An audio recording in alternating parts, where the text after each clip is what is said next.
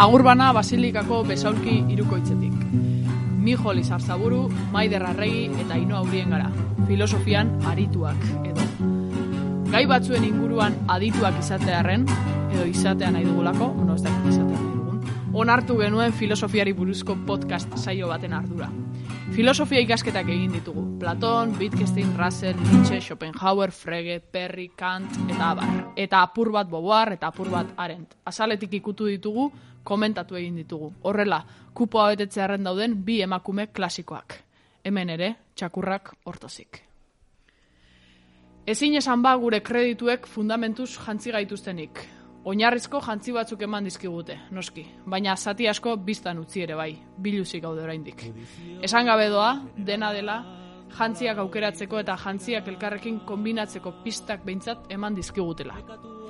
Irakurtzen ikasi genuen filosofiako graduan, eta ondo pentsatzen hasi ezkero, ez da ingutxi ere irakurtzen ikastea. Irakurtzen ikastea ez baita letra letraren atzetik errezitatzea.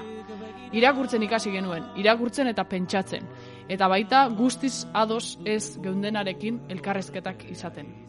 Eta ororen gainetik, eta batez ere, baina ororen gainetik, baina batez ere elkar ezagutu genuen. Elkar ezagutu genuen, elkarrekin irakurtzen eta erreferentzia berriak elkar banatzen hasi ginen.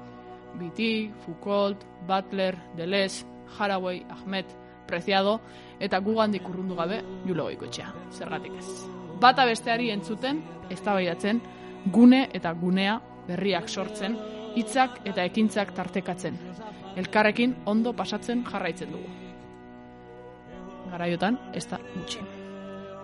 Horrela bada, programa honen ardura hartu dugu, gure artean pentsatzen, eztabaidatzen eta sortzen jarraitzeko. Beraz, azteko eta behin eskerrik asko basilikari aitzaki hau eskaintzearen. Bestela ere egingo genuen, baina mikro baten aurrean jartzeak ematen digu nolabaiteko prestigio ez desiratu bat. Uinotatik igorritakoaren bitartez gure eztabaiden konplize egin nahi zaituzteko. Bai entzule, zuretzat ere bada lekurik hemen. Filosofian egia absolutua baino zalantza bilatzen delako. Galderak egiten, erantzun berriak bilatu ordez, galdera berriak asmatzen astera gatoz. Buruan, askura duten hiru lagun gara. Zuei denoi askurak eraginguran. Azka egiteko materiala sobera dugu. Baina horrek ez du bermatzen, askura arinduko zaizuenik. Azken batean, beste dozeren gainetik, nor bere askurak bizi baitu.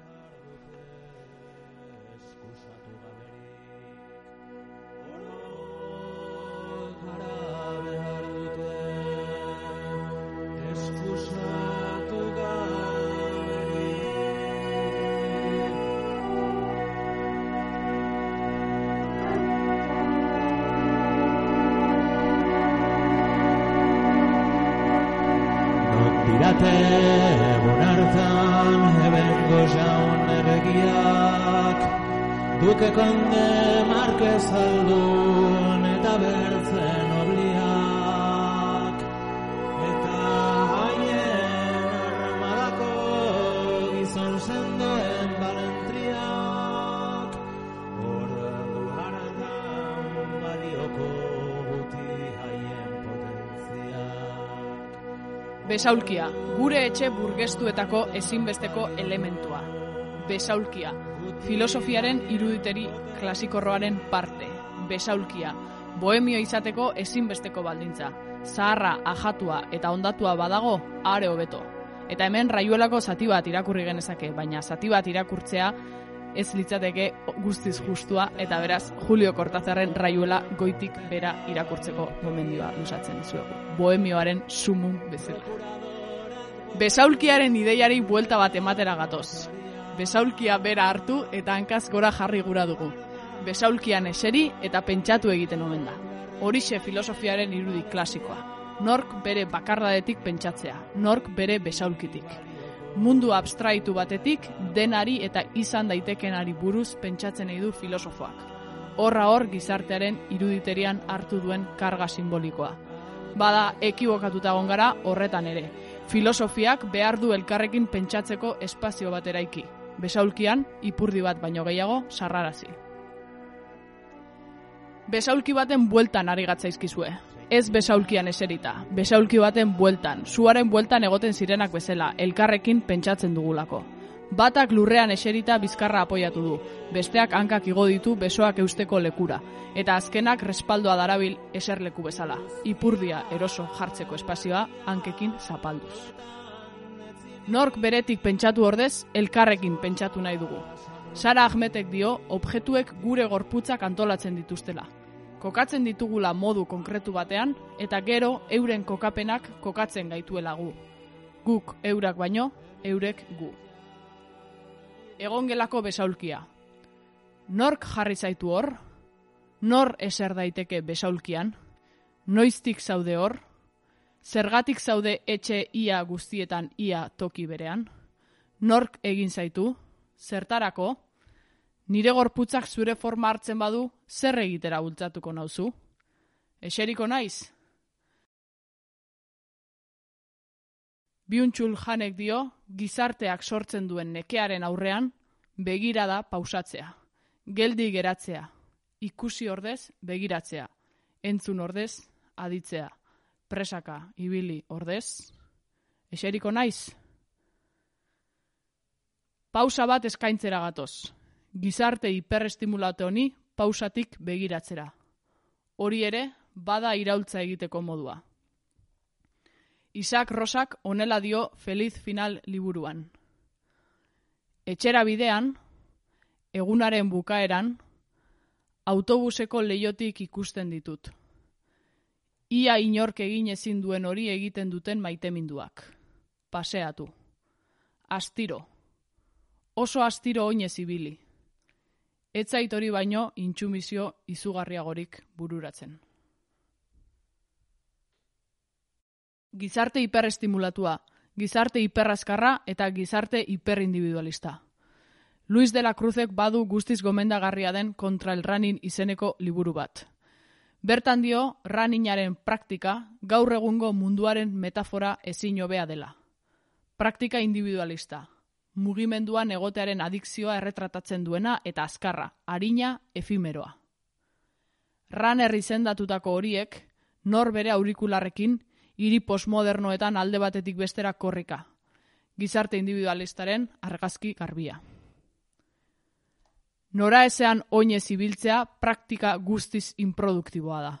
Ez du helmugarik, bidea bera ez denik. Raninaren praktika produktiboa da ostera. Horregatik, paseoan aritzea ekintza insumiso bat izan daiteke sarretan. Ez dugu alperrik besaulkiaren irudia baliatu. Esan dugu besaulkiari buelta ematera gatozela, eta gaurkoan individualismoaren gaiari helduko diogu. Kokapen bat egin ostean saioa prestatzeko erabili dugun marko teorikoa izango dugu izpide. Michel Foucaulten obra erabili dugu erreferentziatzat. Bukaeran, saioa iste aldera, Albert Galbani filosofoari elkarrezketa egingo diogu. Horren aurretik baina, sorkuntzari leku txiki bat. Sortzaile bat gonbidatuko dugu saio bakoitzean, jorratuko dugun gaiaren inguruko bere sorkuntza lantxoa garatu desan. Artea behar dugu, artea nahi dugu bizitzeko. Izan ere, Robert Filuk dioen bezala, artea da bizitza bera artea baino interesgarriagoa egiten duena.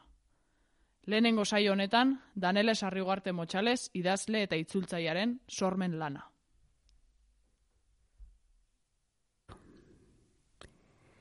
Bakarrik ezin da, lagunekin bai, baina lehiakortasuna, baina infernua besteak dira, baina eskerrak aulagaren, baina egoa, baina inbidia, baina mina, baina gaizki ulertuak, baina ezin ulertuak, baina ez ulertu nahiak, baina armairua, baina izenak, baina izanak, baina festak, baina festondoak, baina lana, baina maitaleak, baina exak, baina sare sozialak, baina harreman irekiak, baina lagunekiko austura esangabekoak, baina talde dinamikak, baina guaiismoa, baina kuadrillismoa, baina lesbianak ez dira emakumeak, baina boiera da bide bakarra, baina naia, baina ezina, baina desira, baina autonomo kuota, baina sumisioa, baina privilegioak, baina burbuiak, baina etxe bizitza, baina gaixotasuna, baina euskortasuna, baina eriotza, baina kontrola, baina teoria, baina praktika, baina kapitalismoa, baina heteropatriarkatua, baina koltana, baina familia, baina erentzia, baina hogeta bat garran mendea, baina belaunaldien arteko talka, baina estatusa, baina erabakiak, baina pilula urdina ala pilula gorria, baina bideak, baina bakoitzaren beharrak, baina terapia, baina alienazioa, baina kulpa, baina bakardadea, baina erasoak, baina zein da gure bakea, baina zein garagu, baina nor dira besteak, baina zer gertatu zaio kolektibotasunari, baina nori dagokio erantzukizuna, baina zer egingo duzu iraultzaren biaramunean, baina benetan hilda jainkoa ala eraldatu eginda soilik, baina antxietatea, baina konpromisoa, baina askatasuna, baina bidasoa, baina iragana, baina zorrak, baina korapiloak, baina bandoak, baina estrategia, baina hegemonia, baina nabardurak, baina xietasunak, baina literatura, baina agian jada hilda mundu zarra, baina agian jada jaio da beste bat,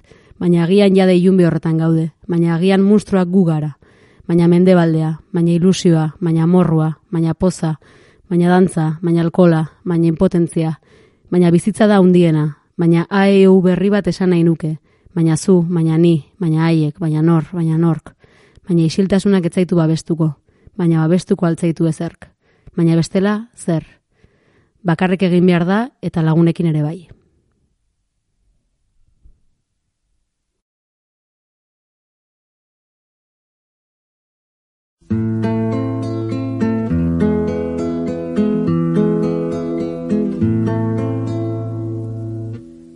Zapalketa gorriaren, erailketa bilutsiaren aurrean entzungo diezu erruki itzaipatzen. Zurgatza morratuaren jende gozetien aitzinean, entzungo diezu karitate itzagoraltzen. Lantegia geldiarazi zerria kaleratzen denean, entzungo diezu pakea pakea deia darkatzen. Zapalduak oro batzen direnean eta lurra ikaran ezarri entzungo diezu, ai, nere joaneteak.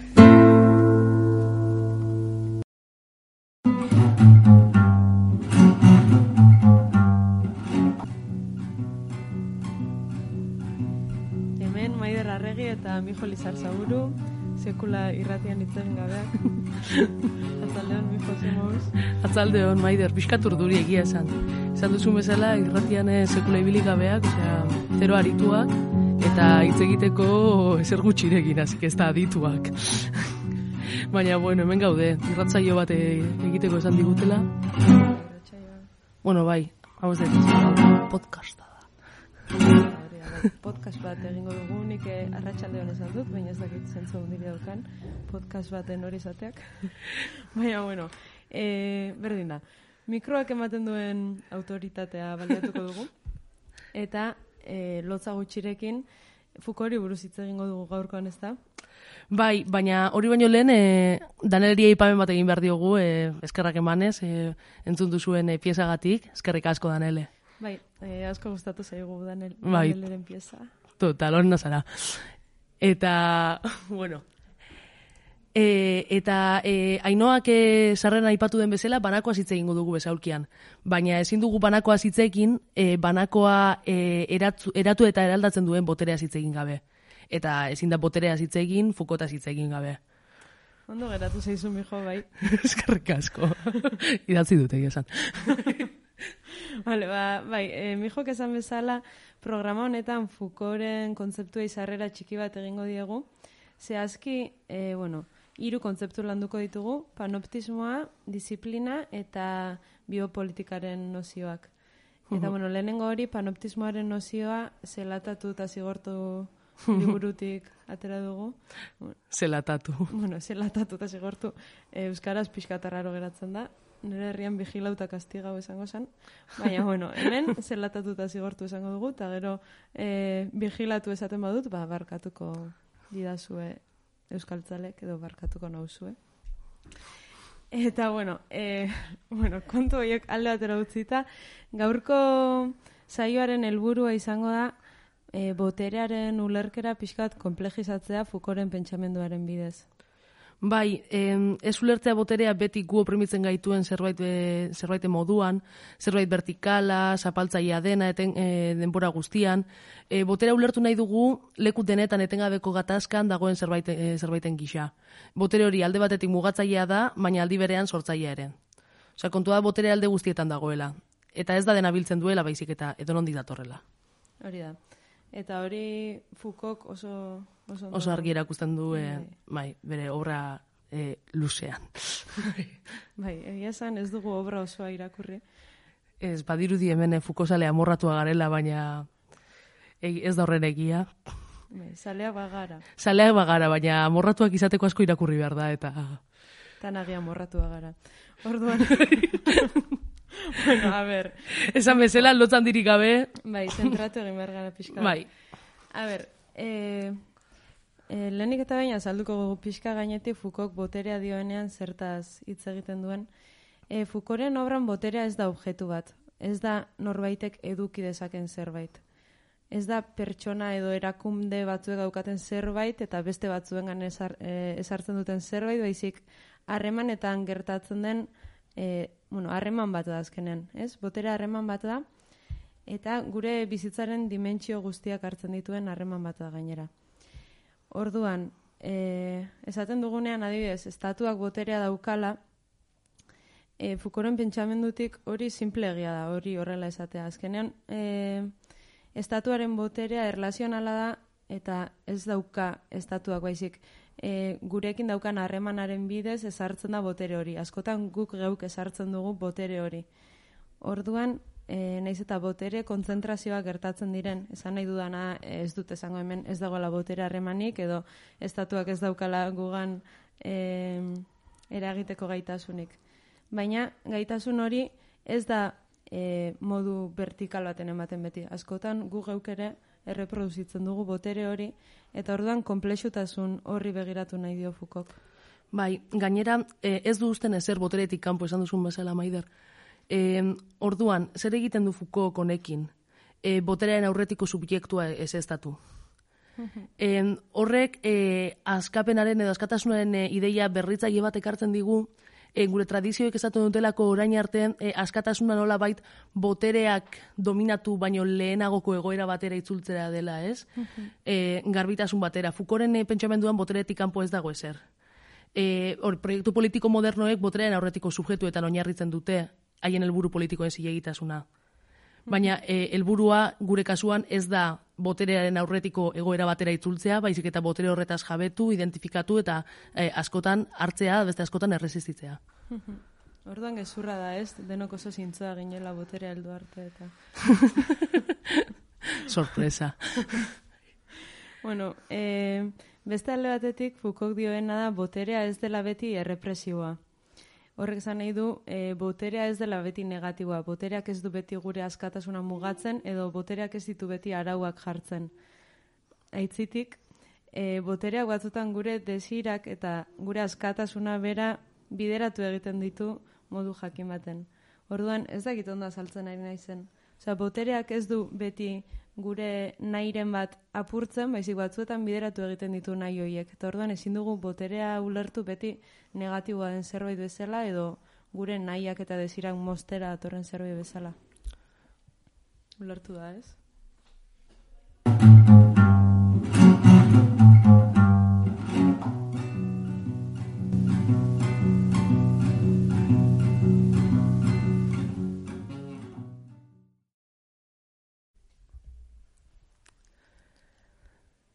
Beraz, eta bueno, Foucaulten e, sarreran adierazi dugun bezala, e, botereen teoria bat garatzea baino, botere erlazioak eratzen dituzten eremu espezifikoak eta botere aztertzeko baliabideak zehaztea da Foucaulten gakoa.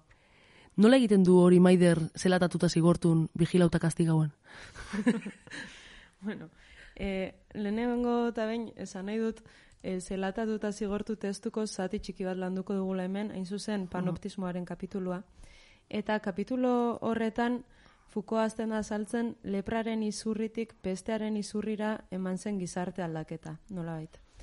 Orduan, e, Foucaulten iritziz gaixotasuna kudeatzeko modua da gizartea kudeatzeko moduaren islada, nolabait. Orduan, E, lehenengo azaltzen du lepraren izurrian nola kudeatzen zen gaixotasuna. Eta horren arabera nolakoa den lepraren izurrian garai horretan imaginatzen duten gizarte ideala.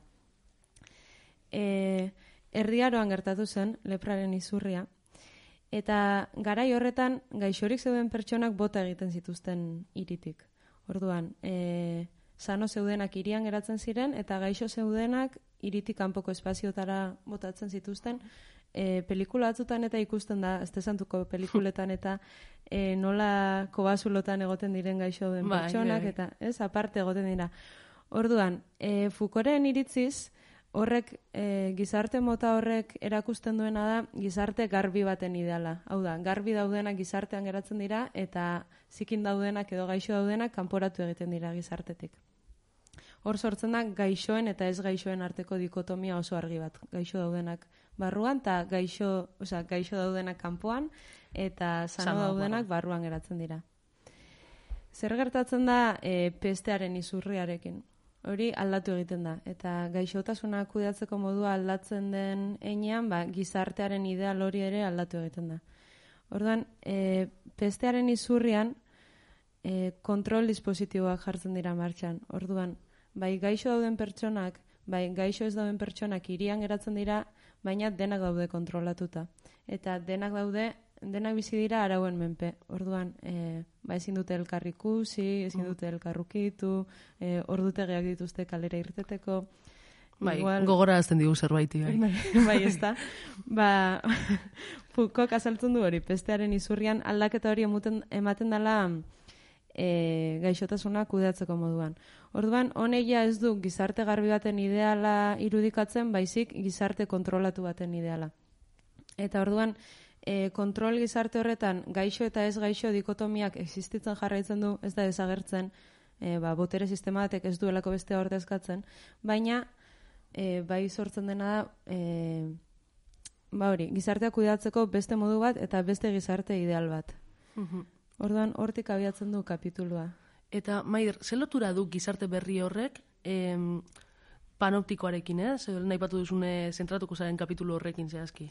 Bai, e, Foucaultentzat panoptikoa da kontrol gizarte horren, edo, bueno, disiplina gizarte deitzen dio, e, disiplina gizarte horren simbolo arkitektonikoa.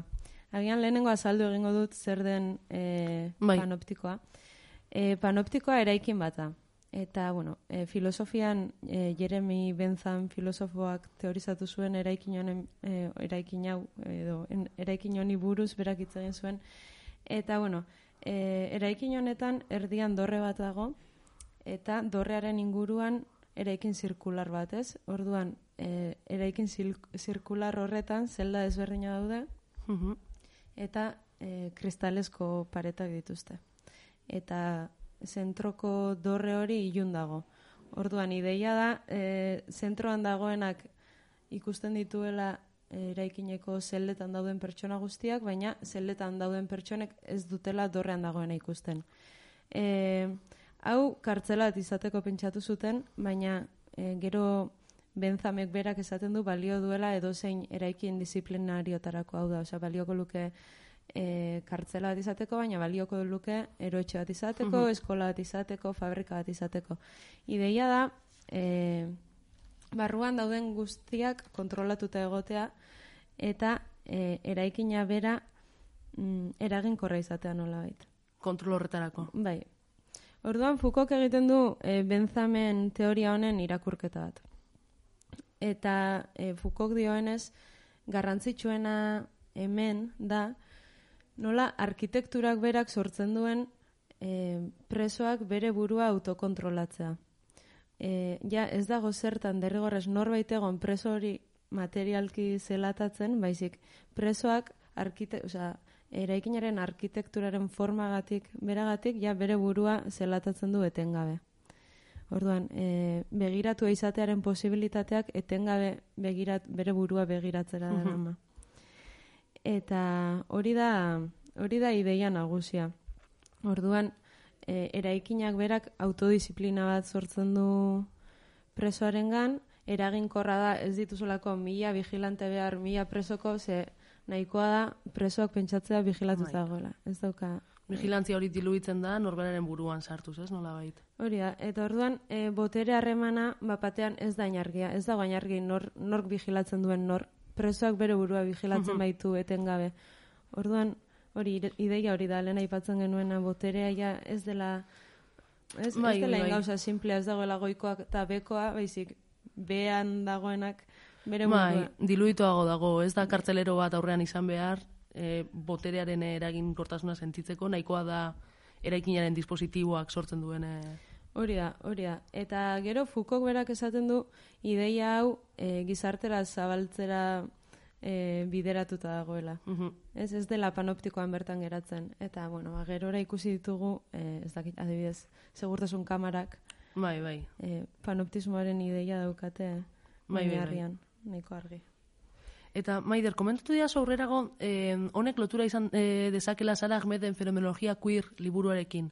Ainoak ere aipatzen duena sarreran. Ze zentzutan esaten duzu hori? Bai, e, Sara Ahmetek fenom, fenomenologia queerrak liburuan aipatzen du nola objektuak eta espazioek gure gorputzak eraldatzen dituzten. Bueno, gure gorputzek baita e, objektuak eta espazioak ere. Orduan nola irurek elkar eraldatzen duten, ez? E, berak jartzen du etxe heterosexualaren adibidea. Zu jaiotzen zara etxe baten eta etxe horretan ja logelak modu baten antolatuta daude, logelen barruan e, oeak, altzariak e, modu baten antolatuta daude, ez? Adibidez, e, logela handi bat dago, bertan matrimonioko oea dago, Bai, bai. orduan ulertzen da hor bikote batek lo egiten duela eta eta umeek bakarrik lo egiten dute eta hor ulertzen da ba bikote bat izan arte bakarrik lo egingo duzula eta bueno, Bai, bai. pixkat. bai, bai, bai. Eh, ez dut eh, oso sakonki azalduko, baina hori, eh, Sara Ahmedek liburu horretan azaltzen duen ideia nagusia da eh, ez, subjetuek ez dugula almen algustidun hori bo- objektuak eta espazioak eraldatzeko baizik. Objektuak eta espazioek eurek gu eraldatu egiten gaituztela. Eta, bueno, e, ba, justo hori hori irakurtzenen bilela, pentsatu dut, e, Foucaulten irakurketa hau edo panoptikoa bera badala oso adibide garbi bat ikusteko nola espazio batek gure autopertzepzioa, gure autokontrola e, sortzen dituen. Bai, bai. Gimnasioko izpilua, entortze zait burura. Bai, adibidez. Adibidez, edo zein izpilu egia esan. Ba. Edo zein begi remedios da fraktioen moduan.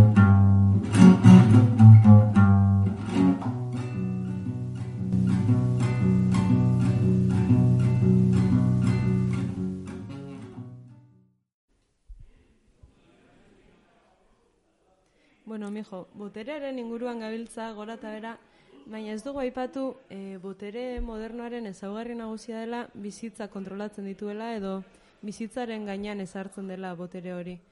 E, azalduko diguzu hobeto ideia hori?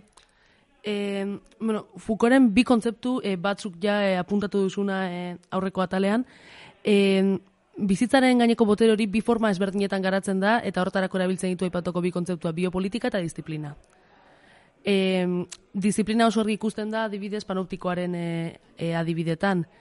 E, disiplina tekniken multzo bat da. Botere sistemek gizabanakoak singularizatzea dute helburutzat. Eta horretarako gorputzen eta jokabideen normalizaziorantz e, jotzen dute. Disiplinak erabiltzen dituen mekanismoak gorputza moldeatzeko, esteko edo trebatzekoak dira. Adibidez, vigilantzia hierarkikoa, azterketa individualak, ekintza errepikatuak, osea, gorputzaren e, domestikazioan datza. Eta biopolitika e, zer da edo, nola gauzatzen da? Biopolitika, e, Foucault amazortzigarren mendetik aurrerako e, e, aldakete, e, aldaketetan kokatzen du.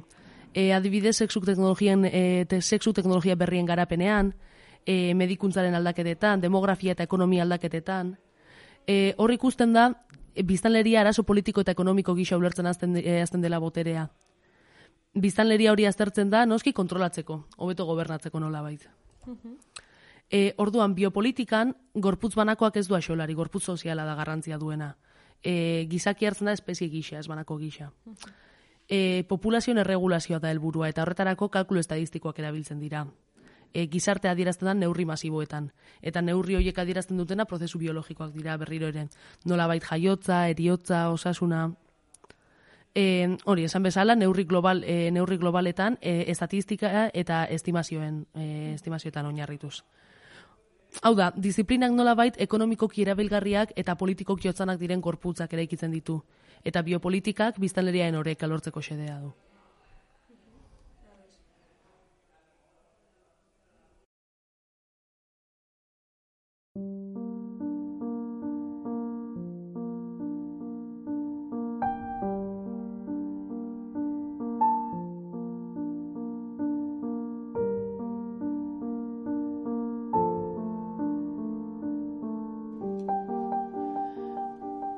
Sunzi, wu, ki erresumatik etorri zen eta geluk, wuko erregeak, harrera egin zion, gerraren arteaz hitz egiteko asmoz. Erregeak esan zuen, Sakontasunez irakurri ditut berorren amairu kapituluak. Baina, egingo alidake berorren arte militarraren erakustaldi txiki bat? Bai, noski. erantzun zuen sunzik. Eta, ausartuko litzateke berori emakumeekin probatzera? Bai, noski. erantzun zuen estrategak. Horretarako, erregeak bere gorteko eun eta larogei emakume ederrenak bildu zituen. Sunzik bi eskuadratan banatu zituen emakumeak, eta erregearen bi oaide gustokoenak jarri zituen multzo bakoitzaren agintari gisa. Gero, emakume denak alabardaz armatu zituen. Orduan, emakumeei galdetu zien. Badakizuen on dauden bihotza, eskuina, eskerra eta bizkarra. Emakumeek baietz erantzun zuten. Aurrera, esaten dudanean, zuen bihotzaren orabidean joan behar duzue. Eskerrera, esaten dudanean, eskerreko eskurantz joan behar duzue. Eskuinera, esaten dudanean, zuen eskubiko eskuaren orabidean joan behar duzue. Eta atzera, esaten dudanean, zuen bizkarrerantz. Emakumeek adierazi zuten ulertu zutela. Behin agindu horiek ezarrita, Sunzik aginta izkora eskatu zuen. Emakumengana zuzendu zen eta hainbat aldiz azaldu zuen bere instrukzioen zentzua. Ondoren, danborra astindu zuen ezkerrerantz joateko agindua emanez. Ordea, emakumeek barre egin zuten. Orduan, Sunzik esan zuen. Aginduak argi ez badaude, eta jarraibideak ez badira behar bezala saldu. Errua, generalaren da. Jarraian, aginduak errepikatu zituen eta behin eta berriz azaldu zituen argibideak. Gero, danborra astindu zuen ezkerrerantz joateko aginduarekin, baina emakumeak barrez lehertu ziren beste behin. Sunzik oraingoan esan zuen. Aginduak argi ez badaude, eta jarraibideak ez badira behar bezala azaldu. Errua, generalena da. Baina behin horiek ondo argituta, soldaduek ez badute obeditu. Errua, ofizialena da. Eta honako hau xedatu zuen. Emakume multzo bakoitzeko arduradunei burua moztea. Erregea, terrazatik gertaerari begira zegoena, bere bioaide maiteak esekutatzeko aginduarekin izutu egin zen, eta mezulari bat bidali zuen sunziren gana honako erreguarekin. Orain, ziur nago, bazare lagai tropak ondo gidatzeko. Ordea, bioaide horie gabe, nere jakirik bikainenak zaporeri gabekoak bihurtuko dira. Beraz, bizia barka diezaiezun eskatzen dizut. Sunzik erantzun zuen, Berorren zerbitzaria, tropa hauen arduradune izendatu du berorrek. Eta general izendatu nauen ez gero, ez nago behartuta berorri obeditzera. eta neurri eredugarri gisa, erregearen bioaide gogokoenak esekutatu zituen. Gero, urrengo biekin ordezkatu zituen. Orduan, danborra jo zuen eta emakumeak ordena ezin hobean ezkerrera eta eskuinera mugitu ziren, aurrera eta atzera, eta belaunik atetuta zutik jarri ziren hitzik esatera ausartu gabe. Azkenean, sunzik mezu hau bidali zion erregeari. Jada trebatu ditut tropak, eta nahi duenean ikuska ditzake. Berorren aginduak beteko dituzte. Euren burua uretara edo zutara botatzeko aginduta ere. Erregeak erantzun zuen. Generalak bukatu du bere lana eta erretiratu daiteke. Ez dut ez errikuskatzerik nahi. Orduan, sunzik erantzun zuen. Berorren maiestateak hitzak bakarrik atxe egin ditu, baina ez gertakariak. Helu erregea konbentzituta geratu zen zunzik aginte militarrerako zeukan trebetasunaz, eta erabaki zuen ura bere tropen general izendatzea.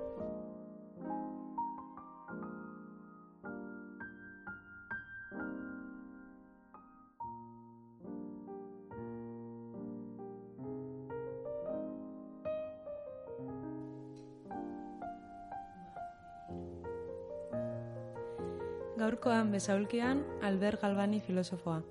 Txinera klasikoan eta txinako historia intelektualean aditua da Albert Galvani. Gaur egun, Euskal Herriko Unibertsitateko filosofia saian irakaslea. Egunon, Albert? Egunon. Ah, ba, Albert, eskerrik asko gure proposamena onartzeagatik. E, bueno, hasiko gara elkarrezketarekin. Zuk lantzen iztuzun testu gehienak ez daude oiko liburun dendetan, e, baina salbuespen bat ekarri dugu gaurkoan, el arte de la guerra. Itzulpen eta bertxio asko ditu, marrazkiekin eta marrazki gabe, gaizeatzetan zentratuak, finantzentzako, ajedrezerako, nondik datorri interes hau?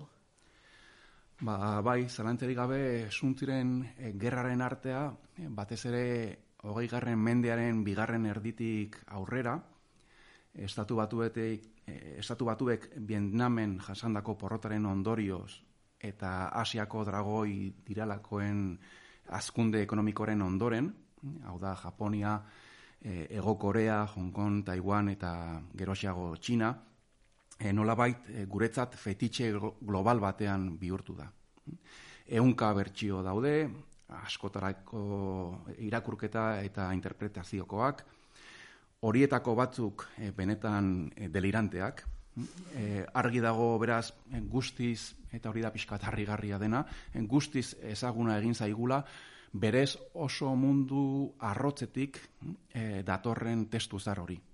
E, gaur egun e, analista politikoek, e, ekonomialariek eta finantzetako adituek, kazetariek, diplomatikoek, kirolariek, ikuskezuneko jendeak, e, sukaldariek, top modelek, e, eta esan genezak ere, influenzerrek ere, e, behin eta berriz aipatzen duten lana da. E, nire aldetik, testu e, horrekiko dudan interesa printzipioz, e, aintzinako txinako idazki filosofiko garrantzitsunetako bat e, delako da. Ikertzen dudan e, garaiaren ingurukoa, eta nire aldetik e, gaztelaniara itzultzea erabaki nuenean, e, nire asmoa e, nolabait irakurketa garaikide, traketx eta azaleko horietatik erreskatatzea izan zen. E, ein handi batean utxalak eta deformagarriak direlako e, esan bezala batzuetan e, irrigarri xamarrak. Eta horrekin batera jatorrizko testu inguru intelektualean txertatzeko. E, hori izan zen pixka bat nire, nire helburua. E, berezitasun gisa, esan beharra dago e, maniobraren eta estrategiaren artera mugatutako zenbait elementu teknikotik e, aratago, hauzi politiko, etiko, ontologiko edo metafisikoei buruzko gogo eta sorrotzak eskaintzen dituela. E, liburu hori buruzko nire lanak errealitate intelektual hori azpimarratzen saiatu dira. E, nire ustez, eta hori da pixka bat nik proposatzen dudan e, irakurketa, e, tratatu militar tekniko bat baino gehiago e, nolabait tratatu filosofiko bada. Eta nire ustez behintzat alaxe eh, irakurri behar da edo irakurri beharko genuke. Beraz, nire bertsioa, eta batez ere tresna eh, kritikoaren eta itzulpenarekin batera doazen eh, oharren bidez, eh, alegin bada irakurleak testu horrek gogo eta edo pentsamenduaren esparruan, garaiko beste lan garrantzitsu batzuekin duen elkarrizketaren gakoak eh, emateko e, nolabait hitz e, gutxitan esan da. E, nire ustez, e, gerraren artea, boterearen eta dominazioaren buruzko tratatu edo saiakera e, zuhurra da. Pentsamenduaren klasiko bada, e, dudari gabe.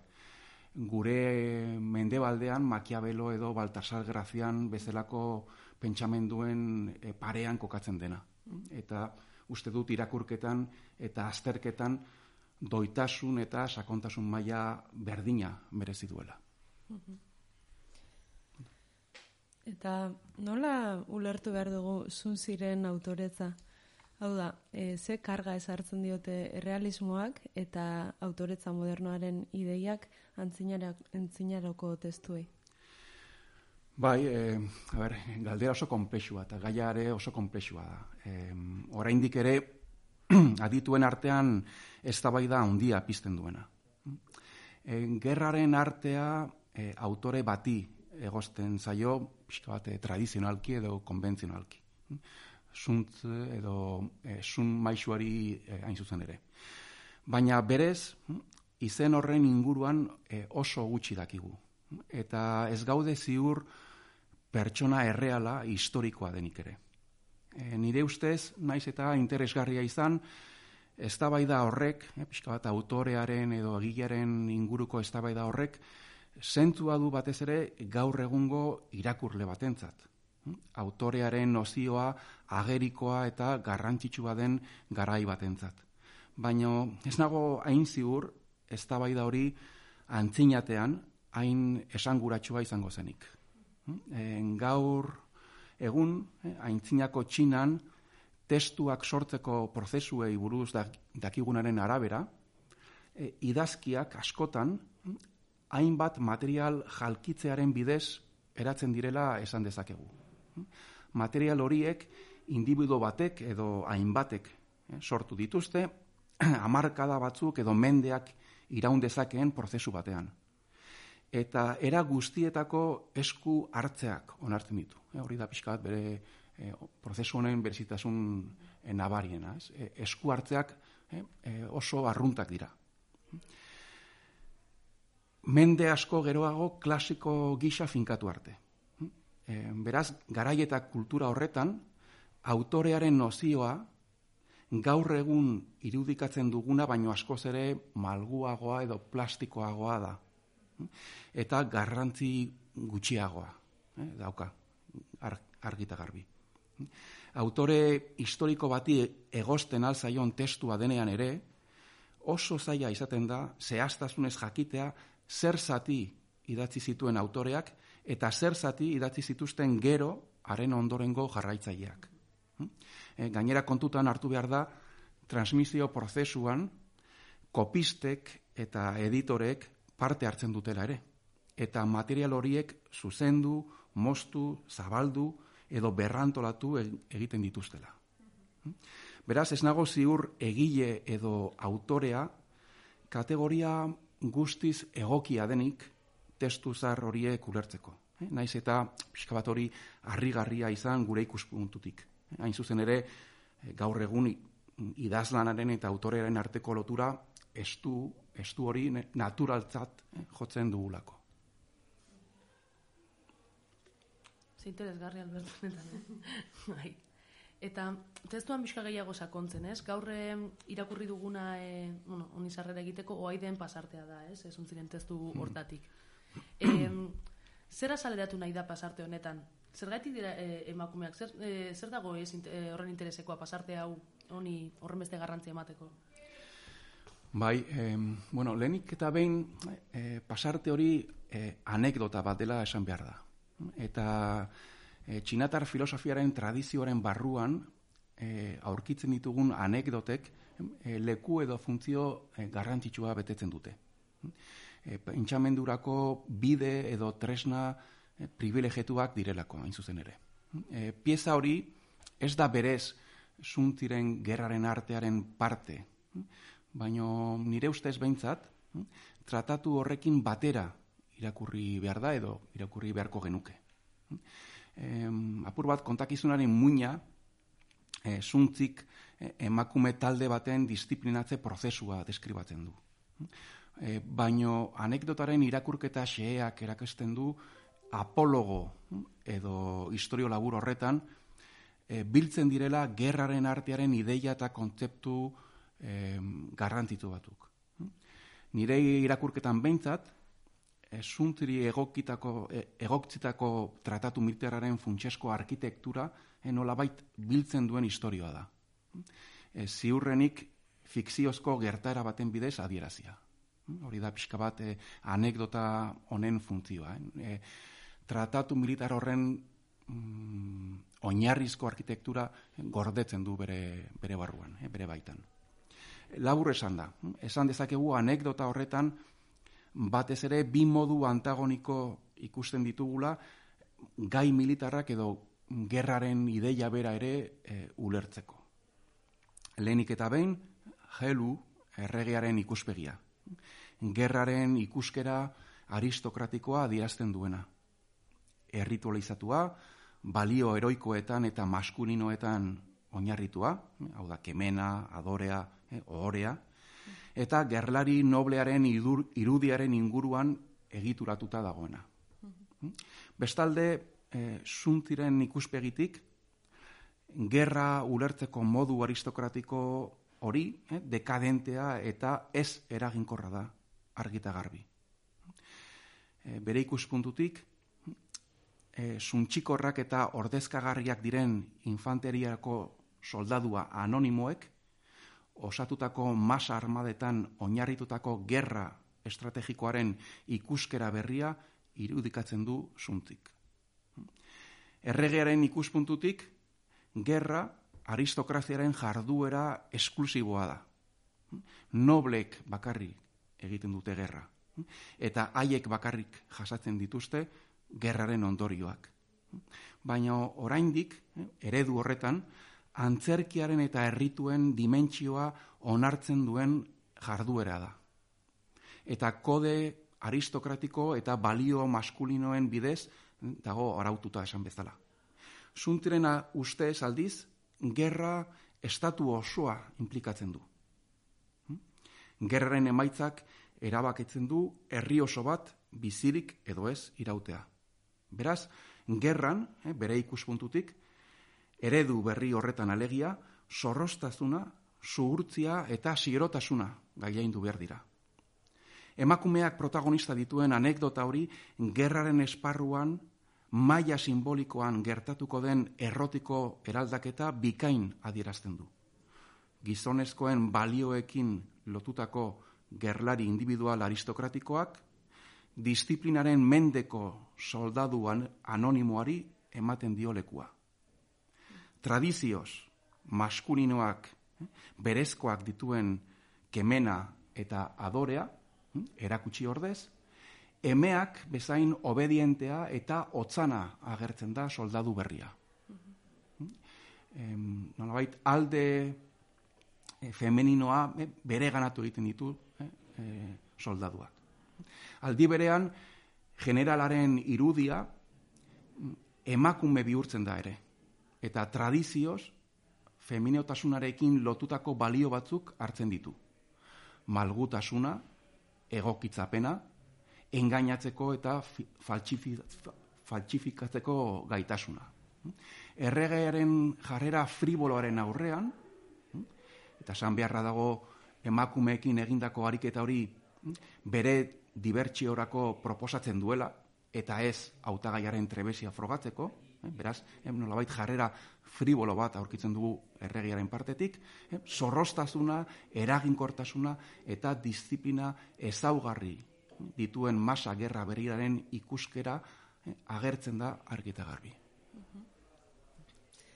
Eta eta testu honek gerraren arteaz diardu, baina irakurri dugun pasartean ez da etxairik ageri behintzat, ageriko etxairik ez da ageri. Orduan, e, zeinentzat da etxairik gabeko gerra hori? Bai, e, izan ere etxaiaren gabezia edo absentzia hori E, erabat adieresgarria da, eh, eta zuen e, irakurketa galdera guztiz egokia. E, lehenik eta behin, oinarrizko ideia bat e, adierazten du e, zuntirentzat. Eta nire ustez, armada bat kudeatzeko eta antolatzeko ardura duen edonorentzat. Kanpoko aurkari baten kontra gerra eh, nolabait esportatu aurretik, barne etxaiari, hau da zure soldaduei men egin barzaio. Horixe da eh, emakumeen disiplinatzeri buruzko pasadiz horretan eh, esplizituki agertzen dena. Lenik, nolabait, indarkeria barruan gauzatzen da. Ezin da inolako ekintza militarrik hasi, aurretik zure soldaduak disiplina eskema bortitz horretan sartu gabe. Zigorraren izuaren bidez, eh, garbi irakusten da hori emakumen pasadiz horretan, baina baita sariak erabiliz, eta garrantzitsua da gogoratzea prebendak, sustapenak eta sariak eh, disiplinaren logikaren parte direla, eh, menderatzea eta obedientzia eh, eragiten ditu. Eh, bi tresna horiek erabiltzen dira, eh, menderatze eta obedientzia hori bermatzeko. Masa gerraren eredu berri horretan, gatazka baten emaitza ez dagoia da gerra egiten dutenen eskutan, baizik eta gerra pentsatzen eta antolatzen dutenen mende, hau da, estrategen mende. Hortaz, soldaduak objektu trukagarri huts bihurtzen dira. Eta haien balio bakarra, agintarien aurrean duten doiluntasunaren eta mendekotasunaren ondorio zuzena da. Hala ere, eh, komenidak kontaketa horretan beste gabezia nabarmen bat aipatzea. Kanpoko txarik ez badago, ez, edo ez dago, baino hori horrela izan da, etxairik gabe ez dago berez gerrarik edo liskarrarik. Eta beste behin ere, gatazkaren edo liskarraren absentzia hori, kontakizunean, oso garrantzitsua da zuntziren gerraren artea berez gerra ezaren artea baitelako. Ideia hori paradoxiko xamarrea izan daiteke, ez dagokio eh, gerra ezaren ideia hori, eh, ez dagokio inolako bakaizaretasun esplizitu edo latenteari, baizik eta ekonomia ordenaren kalkulo sofistikatu eta finari. E, liburu horretan esaten denaren arabera, borroka guztiek, baita garaipenak lortzen direnean ere, epe luzerako ahultzea eta pobretzea dakarte ezinbestean.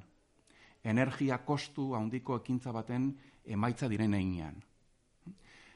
Gerraren artea, ez baidi gabe, jarduera militararen arriskua eta ondamena, hau da borroka edo liskarra, osatzen duen hori saiesten saiatzean datza. Beraz, nolabait, zuntziren gerraren artearen helburua, hain zuzen ere, gerra saiestea da. Gerra, eh, em, nolabait, borroka bezala ulertu, edo ulertuta. Printzipio horretara ondoen egokituko litzateken estrategia ekintza eh, bikoitza izango litzateke. Batetik, ekonomia nagusitasun izugarria sortu beharko litzateke, eta bestetik, indar militar paregabea. Hau da, beharrezko administrazio neurriak hartu beharko lirateke, herrialde eh, baten potentzialaren eta gainekoaren artean desoreka gaindiezina bermatzeko. Eta beraz, herrialde horren nagusitasuna, armak etengabe erabili beharrik gabe ziurtatu e, alizateko. Bestalde, barne politika horrekin batera, kanpoko aurkaria modu eraginkorrean ahuldu beharko litzateke. Kontua ez da garapen ekonomiko eta militararen bidez nagusitasun ukaezina lortzea soilik. Horrez gain, aulezia sortu eta zabaldu behar du etxaigaren gan. Hain zuzen ere, deseoreka hori areagotu eta ziurtatzeko. Hala, paradesikoki, gerra ezaren bidezko menderatzearen ideal hori, berez, logika militarra, bizitzako esparru guztietara e, zabaltzea da, salbu espenik gabe. Ekonomiara, diplomaziara, ezagutzara, guztia menderatze horren proiektu eh, zerbitzura jartzen da. Eta eraginkorra izan dadin, borroka alde batera utzi behar du. E, Klausebitzen esaldi famatuarekin jolastuz, esan dezakegu, zuntziren naburuz, politika, gerraren jarraipena dela bitarteko berberekin.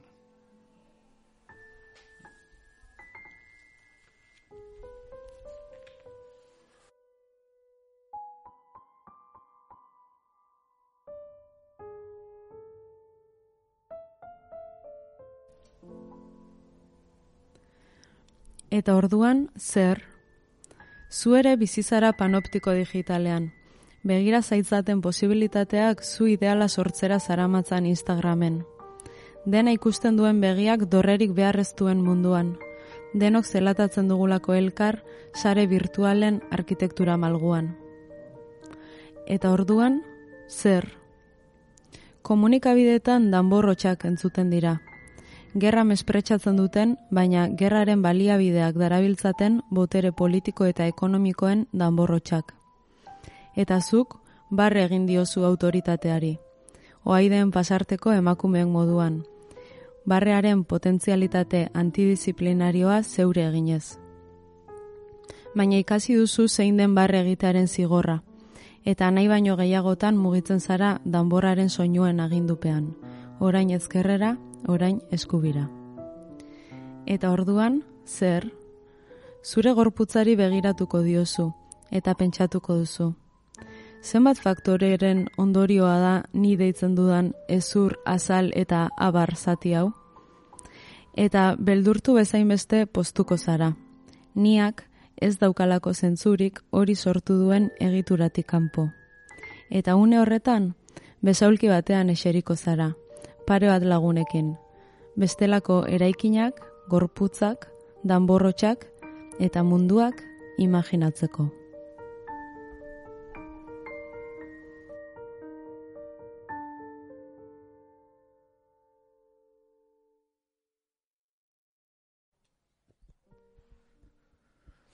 Yeah, we're lonely, we're romantic. There's nothing really happening. This place is dead at seven on a Saturday night. Na na na na na na na na na na na na na na Closing time. Closing time. Filosofiako lehengoko pixuko komunetatik amaitzeko eskerrak eman nahi dizkiogu. Mimitxani ibainezen bertsioagatik. Nerea Iglesias Liliri maitasunaren formak eta barioazioak piano komposizioagatik Laboari existitu izanagatik. Eta Daniel eta Alberti gure aurbiltzeagatik Agur.